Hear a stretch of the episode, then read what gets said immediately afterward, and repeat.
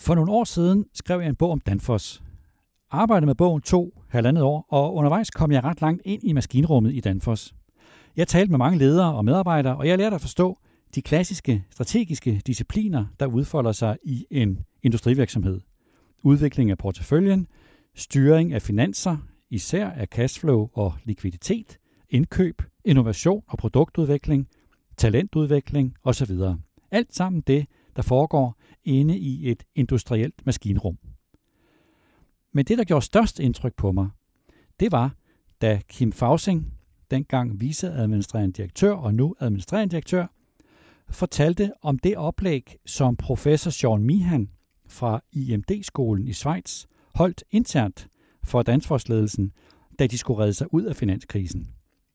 Kim Fausing fortæller her i podcasten om det møde. Citat. Det var kæmpestort. Når vi spurgte vores kunder, hvad er vigtigst, så sagde de kvalitet og levering til tiden. Men kan man virkelig differentiere sig på det? Professor Sean Meehan talte om, at det er et spejl. Det er noget, alle taler om. Der er bare ikke nogen, der er gode til det. Det ramte virkelig, hvor vi var, fordi vi havde hele tiden gået og sagt ja, men vi er mindst lige så gode som vores konkurrenter til det her. Fra det moment blev det klart for os, vi skal simpelthen bare være bedre end alle andre til det her. Citat slut. Mit navn er Niels Lunde, chefredaktør på Børsen, og her er et kig ind i et industrielt maskinrum med Kim Fausing, topchefen for landets største industrivirksomhed, Danfoss. Kim Fausing, tak fordi jeg måtte komme. Jamen, øh, velbekomme.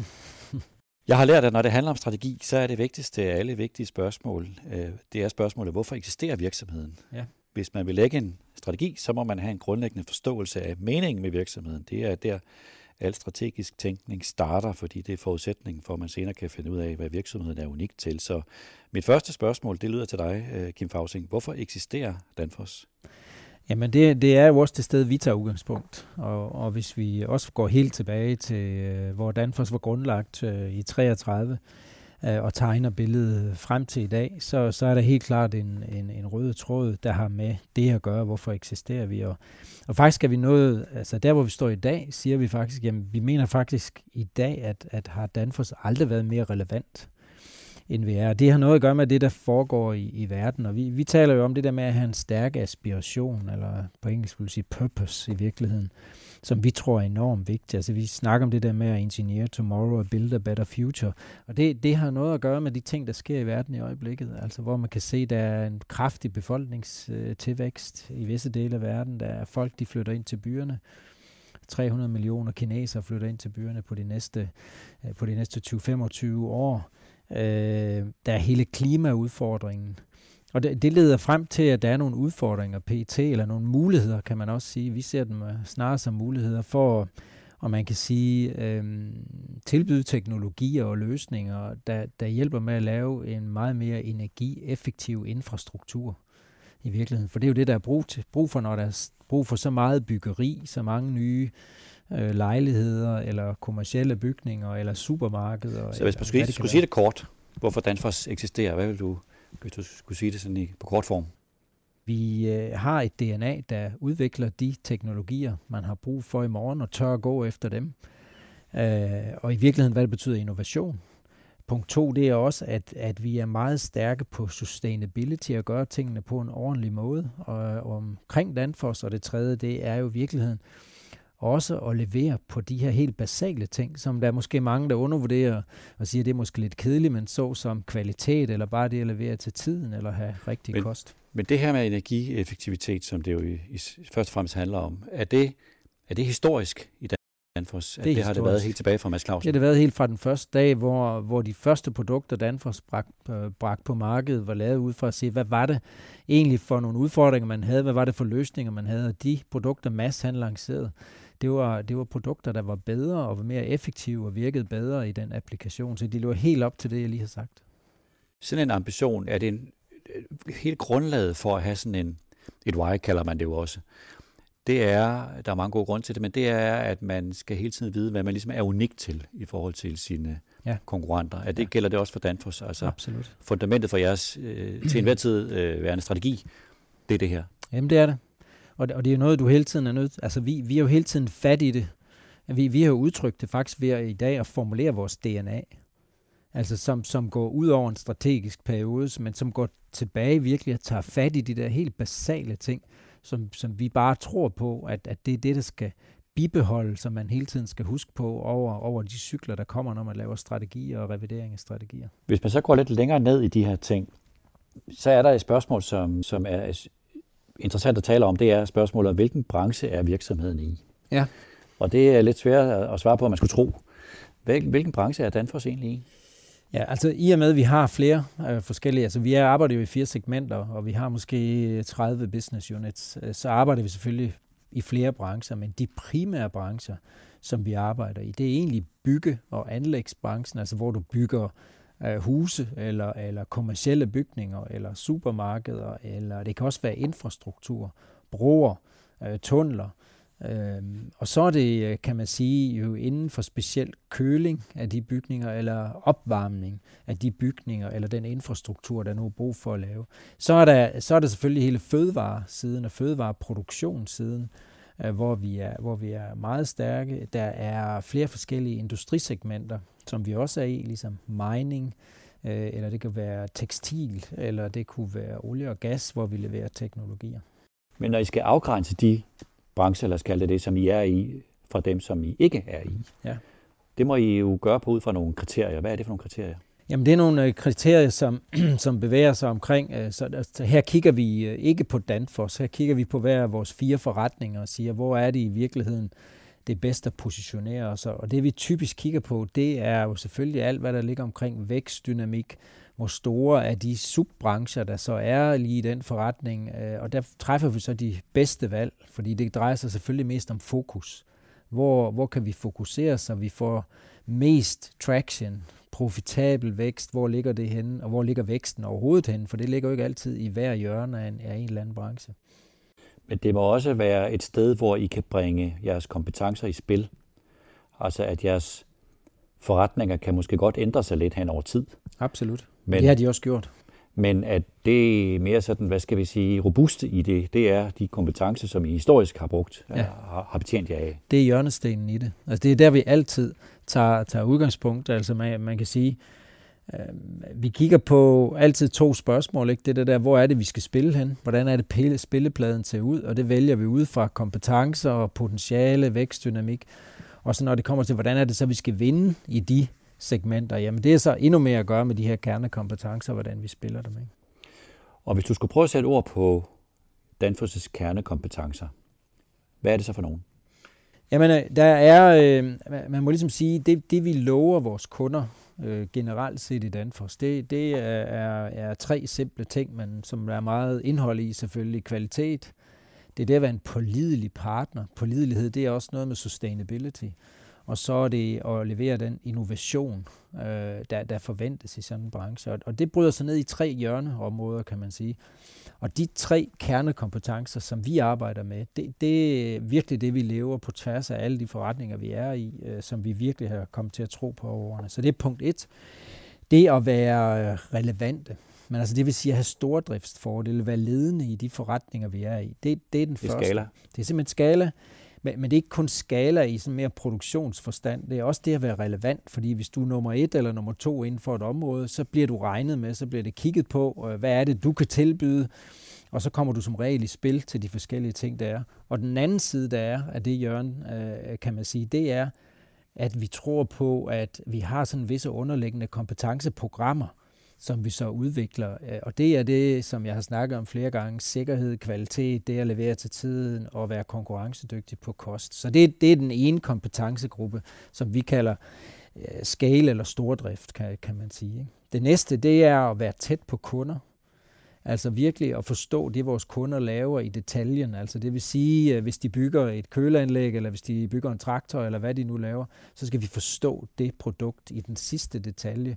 Øh, fordi det er det, vores kunder de forventer, når vi arbejder med dem. Hvis vi har de to ting på plads, så går det på innovation. Altså det går i virkeligheden på at udvikle de teknologier, vi har, øh, til fremtiden. Altså, og det går meget så på energieffektivitet. I dag går det jo så også på elektrificering, fordi du har meget mere grøn energi til rådighed. Så der er mange af de ting, der er drevet af en forbrændingsmotor, der bliver drevet af elektriske systemer i fremtiden. Ikke? Men det er det, vi kigger på på innovation. Så det er de tre. Altså stordrift, kunde og så innovation. Og lad os lige prøve at løbe det igennem øh, en, en af gangen, øh, Kim Fausing. Det vil sige, før du kom til de tre, så nævnte du kvalitet og levering af i virkeligheden, før du overhovedet kommer til dine tre kernekompetencer. Ja. Også en, en disciplin, hvor man som stor industriel virksomhed godt kan differentiere sig fra sine konkurrenter. Ja. Hvordan har jeres forståelsesrejse været af det? Jamen, det har jo været enormt prægende, fordi der, der er jo ikke tvivl om, at, at vi har arbejdet så meget med det siden ja, 2003-2004 startede vi jo reelt set virkelig med at udvikle programmer til at gøre os dygtige til det her. Så startede vi med det omkring produktivitet, som, som jo vi er også blevet mere kendt for, kan sige det der, vi kører de der 10% produktivitet om året. Og så er der kommet flere programmer til over tid, ikke? hvor vi virkelig tror på, at det der med ikke at indgå kompromis og forvente, at det kører vi med alle steder i Danfoss, og så udvikle kompetencerne omkring det, har haft en enorm effekt. Men kvalitet og levering, jeg kan huske, vi talte sammen, det, vi, har, vi har talt om det tidligere, at I havde jo på et tidspunkt for snart 10 år siden en, en strategiproces, hvor I havde øh, professor John Mihan fra IMD i Schweiz inde og, og, og holde oplæg til jer, og det var blandt andet ham, der var med til at, at gøre det tydeligt for jer, ja. at det her kvalitet og levering er noget, som man selvfølgelig gerne vil, men det er faktisk så ekstremt vigtigt, at man kan differentiere sig på det. Ja. Hvordan, hvordan var den erkendelse for jer? Og det, det er stadigvæk et Jamen, grundvilkår. Det, det var kæmpe stor, fordi jeg tror, at vi hele tiden godt har vidst, fordi hver gang vi spurgte vores kunder, hvad er vi egentlig vigtigst, så sagde de også altid punkt 1, kvalitet, punkt 2, levere til tiden. Men jeg tror, der været sådan underliggende, okay, men kan, kan du virkelig differentiere dig på det, eller kan alle ikke det? Og i virkeligheden, det Sean sagde dengang, det var det der spejl, der sagde, i virkeligheden er det nok noget, alle taler om, men han sagde også meget klart, der er bare ikke nogen, der er gode til det. Og det ramte virkelig, hvor vi var, fordi vi havde hele tiden gået og sagt, jamen vi er mindst lige så gode som vores konkurrenter til det her. Og fra det moment, så blev det sådan noget med, hvor det blev klart for os, vi skal simpelthen bare være bedre end alle andre på det her. Og så det kræver, at vi flytter os til et helt andet niveau. Og jeg må også sige, at det vi har lært i processen, det er jo, at de har en kæmpe impact på succes med dine kunder, hvis du virkelig er god til det. Kvalitet og levering. Kvalitet og levering. Så lad os lige tage de andre tre, du nævnte. Den første, det var skala. Nu antydede du det lige før, men I har jo i Danfoss en historik, blandt andet for det, I kalder Danfoss Business System. Ja. Som jo faktisk er gået hen og blevet, nu nævner du det som kernekompetence, men som jo er noget, hvor I helt afgørende differentierer fra konkurrenterne. Ja. Hvad går DBS, som I kalder det, ud på? Jamen DBS, det går ud på, at øh, i og med, at vi har flere forretninger, og vi er globale og, og så videre, så har, har vi sagt, at der er visse ting, det vil vi gøre på en bestemt måde i Danfoss. Hvordan er det egentlig, vi driver forretningen? Og der har vi ligesom sagt, det, det drejer sig ikke om 100 forskellige ting. Fordi vi vil gerne have entreprenørånden i Danfoss, men det drejer sig om nogle få vigtige ting, som rører de der kerneprocesser, vi har. Og de kommer tilbage til de programmer, vi snakker om her. Altså sikkerhed for eksempel, kvalitet, det at levere til tiden, kost og så videre, at vi vil køre det på en bestemt måde på tværs af Danfoss. Så I kører det på en ensartet måde på tværs af alle fabrikker? Ja. Og DBS, den giver så i produktivitetsforbedringer hvert år. Faktisk det interessante er jo, altså DBS er vores coach, men i virkeligheden er det vores linjefolk, der er rigtig dygtige til det her. Det, det DBS gør i dag, det er, at de hjælper med, når vi kan sige, efter det femte år i træk, hvor vi har lavet 10% produktivitet, så kan de gå ud og hjælpe med at sige, hvor er de næste 30% hen? Så kan de gå ud og mappe det simpelthen. Eller de kan gå ud og træne vores medarbejdere, hvis vi har nye medarbejdere, eller hvad det er. Eller de kan gå ud og hjælpe, hvis vi har en eller anden hård nød, der skal knækkes et eller andet øh, sted. Og DBS, det er noget, som det har taget mange år at, at raffinere. Ja, det, det, det har været en længere rejse, fordi vi startede den jo tilbage i 2003-2004, og, øh, og så startede vi jo vores, øh, vores øh, core and clear rejse, kan man sige, der i 2010, hvor det her var et af hjørnestenene, hvor, hvor vi sagde, at det her det drejer sig om det basale. Vi skal ikke gå ud og gøre en hel masse. Det, de her basale ting, vi skal arbejde med. Ikke? Så, så I kan se, det er en lang rejse, og i 2018 og 19 er det lige så stærkt, som det nogensinde har været. Det andet, du talte om, det var kunder. Ja.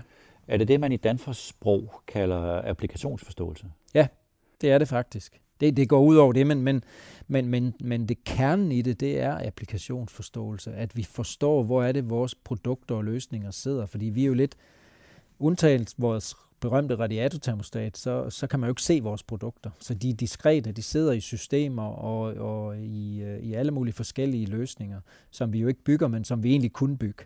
Så vi ligger, altså vi er egentlig diskrete, kan man sige. Og den her applikationsforståelse, hvis det er en kernekompetence hos dine medarbejdere, det er også en kernekompetence hos dine sælgere måske? Ja, altså, ja det er når, helt klart. Når der kommer en Danfoss eller en Danfoss reparatør ud og skal reparere hvad ved, et aircondition-anlæg i Bangkok, så kan han eller hun, de kan, de kan forklare kunden mere end kunden egentlig selv er klar over, hvordan den virker. Ja. Altså hvis man skal give et billede, så, så det bedste billede, det er næsten, hvis man tænker på, at, at vores systemer, de indgår i, i, øh, i, øh, for eksempel hvis man nu ser, når John Deere eller Caterpillar, eller de bygger en maskine, så indgår vores systemer i de maskiner. Så det vil sige, sammen med de ingeniører, der bygger de maskiner, så sidder vi og designer maskinerne øh, og leverer så de løsninger, de har brug for at bygge dem til syvende og sidst. Vi kan faktisk også gå ind og lave de løsninger, hvordan du programmerer dem, hvordan du, hvordan du sætter hele den digitale løsning op omkring de maskiner. Det, det er i virkeligheden det, vi gør, og det kan vi kun gøre, hvis vi virkelig forstår, hvad kunderne vil med sådan en maskine. Det er det, I kalder applikationsforståelse. Det er applikationsforståelse. Det tredje, du nævnte, det var innovation. Det er innovation, ja. Og innovation, det går alle jo op i selvfølgelig. Ja. Hvordan at udmønter det sig hos jer, at innovation er en kernekompetence? Hvordan, hvor, hvor fundamentalt er det? Hvor meget er kundeforståelsen også involveret i produktudvikling og innovation. Se, se, det hænger sammen. De to først, det er, det er, det er noget, alt, der altid skal være på plads, fordi det er svært at snakke om innovation. Hvis, altså kunderne de er ikke særlig åbne for at tale om innovation, hvis vi ikke kan levere til tiden, eller vores kvalitet ikke er god, eller hvis vi ikke forstår, hvad de laver. Så, så, så de hænger sammen, de ting, vi snakker om nu. Ikke? Innovation er, er, er meget stærk og en hjørnesten for os, øh, for at differentiere os. Fordi vi, altså det er vigtigt for Danfoss, at vi ikke, vi ikke er jo ikke en MeToo-virksomhed, øh, øh der sælger det samme, som alle mulige andre gør.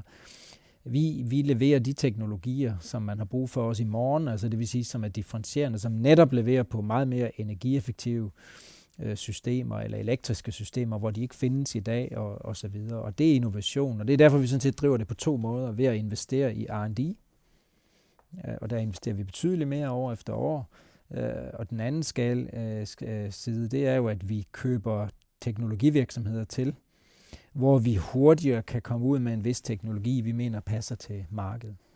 Men i den her produktudvikling, hvordan sikrer I jer, det har også været en rejse ved jer, hvordan sikrer I jer, at fagligt meget stærke ingeniører forstår, at det alt sammen kun nytter noget, hvis man starter med at tænke på kundens behov? Ja, men det er, det er et super godt spørgsmål, øh, fordi det er nemlig kernen i det, og, og man kan sige, det vi jo faktisk har arbejdet meget med, som går ud over strategi, det er jo i virkeligheden den underliggende kultur, vi har, hvor, hvor man kan sige, det vigtige det er jo at ramme noget, som har en værdi for kunder til syvende og sidst. Og, og den måde, vi udtrykker det i dag, det er, at vi jo kan jo se, der er et paradigme. Og det paradigme, det består i, når en virksomhed bliver større, og, og Danfoss har vi haft en del vækst, øh, og, og øh, så bliver du mere kompleks. Øh, du bliver en smule mere byråkratisk. Og faktisk er det ting, der modarbejder vækst. Så det, derfor kalder vi det der vækstparadigme i virkeligheden. Øh, jeg har også skrevet meget om det her owners mentality er en god reference, synes jeg, hvis man vil hente inspiration i det. Men i virkeligheden, så, så betyder det jo, at, at vi er begyndt at arbejde med nogle underliggende jeg vil ikke kalde dem værdier, men i hvert fald den måde, vi opfører os på, som, som går tilbage til for eksempel frontline passion. Som vi, altså det vil sige pas, passion for, for de mennesker, der arbejder helt ude på frontlinjen af virksomheden, og dine kunder virkelig forstå, hvad er det egentlig, der, der, der virkelig øh, sker i øjeblikket? Hvad er det i virkeligheden, deres største problemer er? Kundernes. Kundernes. Tag udgangspunkt i det. Punkt et. Punkt to, det er så at, at komme, kan man sige, frem til at have en, en organisation og et team. Og, og by the way, det der team, det er simpelthen bare vigtigt i Danfoss. Vi har ikke nogen, der er større end teamet her. Altså, det er en teamindsats, det vi laver, og det har noget at gøre med, at vi skal have folk ud i vores forretninger, som virkelig har muligheden for at træffe beslutninger. Så vi, vi, kalder det, vi kalder det jo i virkeligheden run the business like you own. Altså vi skal have folk, der, der agerer som om det er deres egen virksomhed som, som har empowered øh, til at kunne træffe de beslutninger, der skal til, for netop at ramme de ting, der er brug for ude i markedet hele tiden, og ikke skal tilbage og spørge hele tiden, fordi det er jo en af de ting, der sker i øjeblikket, hvor, hvor verden er blevet meget mere dynamisk. Vi har brug for at træffe hurtige beslutninger, men rigtige beslutninger. Og, og derfor øver vi os rigtig meget i øjeblikket, det der, hvordan kan vi delegere mere beslutningskraft ud i organisationen.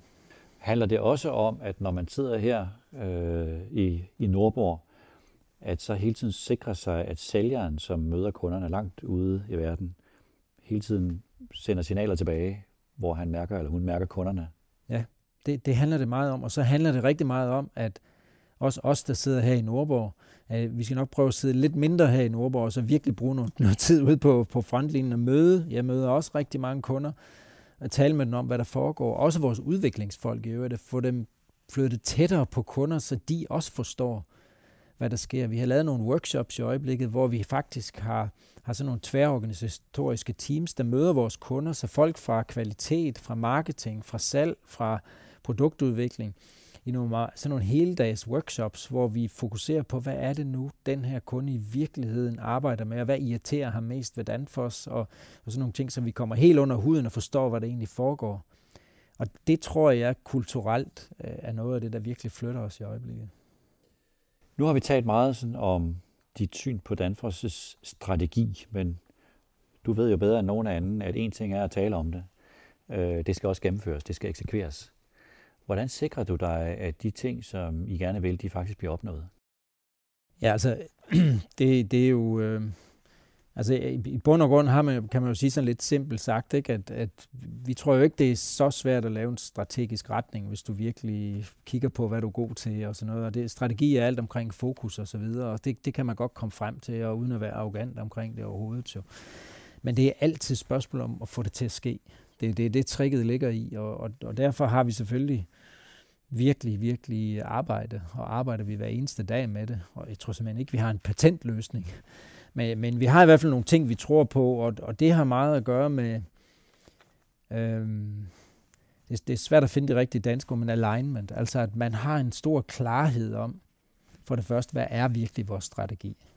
Og at du virkelig bruger en masse krudt på at komme frem til det, og lade være med at undervurdere, hvad det egentlig kræver Altså det vil sige, at når du har en meget klar retning på, hvad, hvor man gerne vil hen, så drejer det sig jo i bund og grund om at holde fast.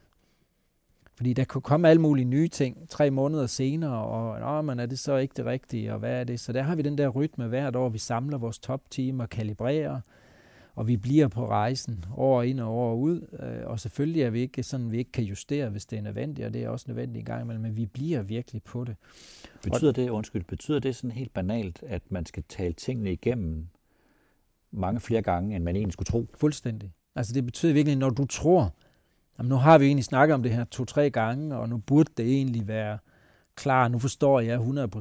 Så når du tester det igen, så hører du tit sådan lidt forskellige varianter af den samme historie i virkeligheden, fordi folk putter deres eget view på dig. Derfor er du, altså man undervurderer simpelthen systematisk, hvor meget tid har du brug for, for virkelig at få noget på bordet, som alle virkelig forstår komplet og er klar til at kommunikere på den samme måde. Men når man så har opnået det, ja. og det tager sikkert det tager tid, ja. hvordan sikrer man så, så, at de går hjem og eksekverer på det? Jamen det, jeg tror, jeg tror for det første, det, det gør man ved at, at sikre, at den der, det, det, altså det billede, at du kan kommunikere det klart. Altså at alle nu går ud, altså vi samler jo vores, for eksempel vores top 200-250 en gang om året, hvor vi laver den her kalibrering. Øh, og, og det vil sige, så kan alle virkelig gå hjem og kommunikere den samme historie. Og vi kan også kommunikere den, hvad betyder den funktionelt? Altså, hvad betyder nu vores historie her for vores produktionsside? Hvad betyder det for vores udvikling? Hvad betyder det for vores salg? Og hvad betyder det for finans? Og hvad er min rolle? Og så kan den brydes ned og blive målbar. Altså i virkeligheden, så, så, er det, så er det svært at få noget til at ske, som ikke du kan følge med i. Og det, og det vi så gør, det er, når den er blevet målbar, så sætter vi os sammen en gang i kvartalet på tværs af Danfoss i en meget positiv ånd og diskutere, hvor er vi henne. Ikke sådan en, hvor man bare skal ud og du ved, med, med linealen og, og se, hvad, hvad er der nu ikke noget med, hvor vi sidder og diskuterer, hvad er virket godt, hvad, hvor er vi on track, hvor er vi ikke on track, og så bliver vi bliver ved med at grind det hele tiden. Det går ikke væk. Det tror jeg, det, det er absolut øh, godt og nødvendigt at gøre. Og så til sidst kan man så sige, ikke, altså, så tror jeg også, det vigtige i Danfoss, det er, at vi arbejder meget med at have, have teams, så det også virkelig er ansvarligt. Altså, øh, man kan sige, at vi har selvfølgelig Matrix, men ikke i super høj grad. Vi har ved Danfoss ansvarlige forretningsledere, der kører forretningen. Det gør de, når de står op om morgenen. Det gør de også, når de går, går i seng om aftenen. Øhm, og, og det tror jeg også er vigtigt i det her billede. Man har nogen, der er ansvarlige i virkeligheden. At det ikke er sådan uklart, mm, er jeg overhovedet ansvarlig for det her eller ej. Der er ikke tvivl om, hvem der har ansvaret. Det er der ikke tvivl om. Og så har I vel gætter på også en masse kopier. Det har vi også, ja. Så Som få folk. som muligt, men vi har en del, ja. Hvor mange har I? Ja, vi har cirka 30. Det er mange. Ja, altså, det er jo et spørgsmål, hvis du nu til virkelig tæller det, er sådan en virksomhed, som vores arbejder på, og, og det er jo ikke alle, der er relevante med 30 KPI'er. Altså, hvis du for eksempel går ned og ser, hvad styrer vi vores produktion på, jamen, så er det fire ting, ikke? Så det tror jeg, jeg tror, det er, det er balanceret i dag. Jeg tror, det er noget, vi godt kan, kan gabe over. De her strategiske overvejelser, Kim Fausing, hvor meget øh, fylder de i din hverdag? Er der tid til at overveje dem sådan øh, løbende, eller er hverdagen mere præget af drift og kundemøder og undskyld udtrykket, trivielle ting? Jeg ved så godt, de ikke er trivielle, men, men hvor meget fylder de her sådan mere strategiske overvejelser i hverdagen? Jamen, altså, det er jo, det er jo vores DNA, så de, de fylder jo rigtig meget øh, for mig og i mit job, altså absolut. Så det bruger vi hele tiden meget tid på. Øh, men, men det er da klart, øh, jeg, jeg synes, jeg synes vi, vi bruger mere tid på at, at sikre, at vi eksekverer. Fordi man kan sige, at den, den retning, den har vi allerede brugt så meget tid på, at, at det er ikke sådan, at vi behøver at forsvare den ret meget. Altså alle er helt klar på, at det er virkelig det, vi skal. Det vi gør, og det vi tillader os, det er en gang om året, at vi så kalibrerer igen. Og, og det vil sige, det starter sådan ved udgangen af året og hen imod vores, øh, hvor vi samler folk der i, i april-maj måned, at vi så laver en update igen, og så sker der selvfølgelig indimellem, at vi laver en større update, hvis, det, hvis vi synes, det er nødvendigt. Det skete for eksempel i 2018. Ikke? Men, øh, men, øh, men jeg tror, på den måde, så er det ikke sådan, at vi hele tiden er inde i strategiområdet, men vi er hele tiden inde i at sige, hvordan virker det? Altså jeg bruger meget tid, for eksempel, jeg skal bruge mig som et eksempel, det er ikke anderledes for mine kolleger, øh, og snakke med kunder og se, de ting, vi nu har sagt, virker det nu? Eller for eksempel, øh, hvis vi tager nogle af de helt store temaer, som den digitale transformation, der bruger vi ikke tid til at snakke om, jamen, er det nu vigtigt, eller er det ikke vigtigt, og, og hvilke vinkler er der er vigtige. Der bruger vi tid på at se, jamen de løsninger, vi har ude nu, flyver de hos kunderne? Hvilke af dem flyver, hvorfor? Er det noget, vi skal korrigere? Er det noget, vi kan inspirere vores kolleger med her? Men nu du nævner den digitale udvikling eller den digitale udfordring, så tror jeg, det er noget, alle er, sådan, lad du bare være ærlig, temmelig famlende overfor. Hvordan orienterer du dig ind i sådan en digital fremtid, som ingen kender?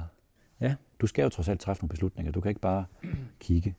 Nej, men jeg kan sige, at den måde, vi, vi har taklet det på i, i Danfoss, det er jo lidt tilbage til den der afvejelse. Vi, vi er, er stensikre på, at digitale teknologier kan hjælpe os med at lave innovation omkring vores forretninger.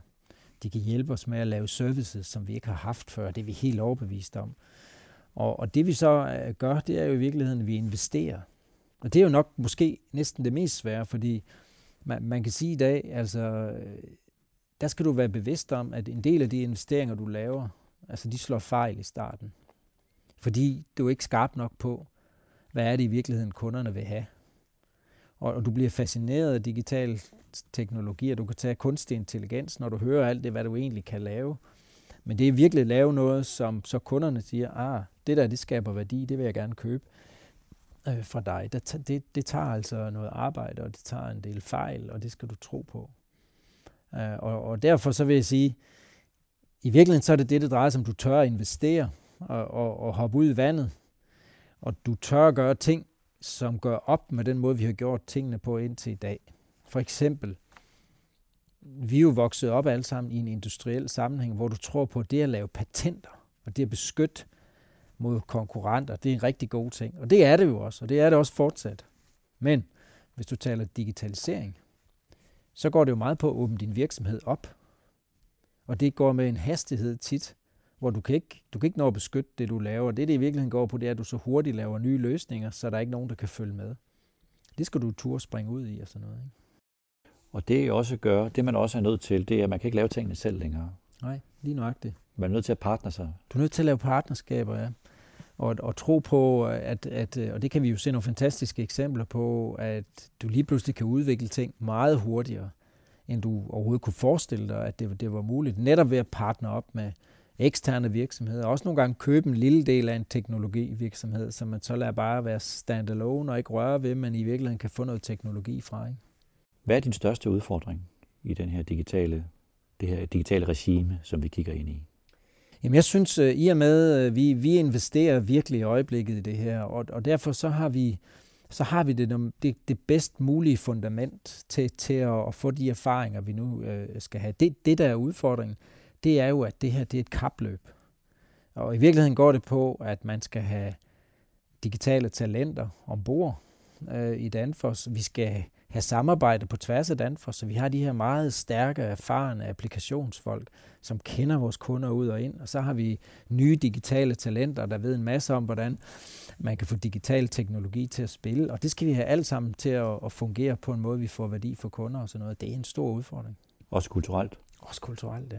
Absolut. Og det, som forener de her mennesker, som jeg gætter på, kan være både ingeniører, som har arbejdet her i mange år, det kan være tech-startupper, som er 25 år. Ja.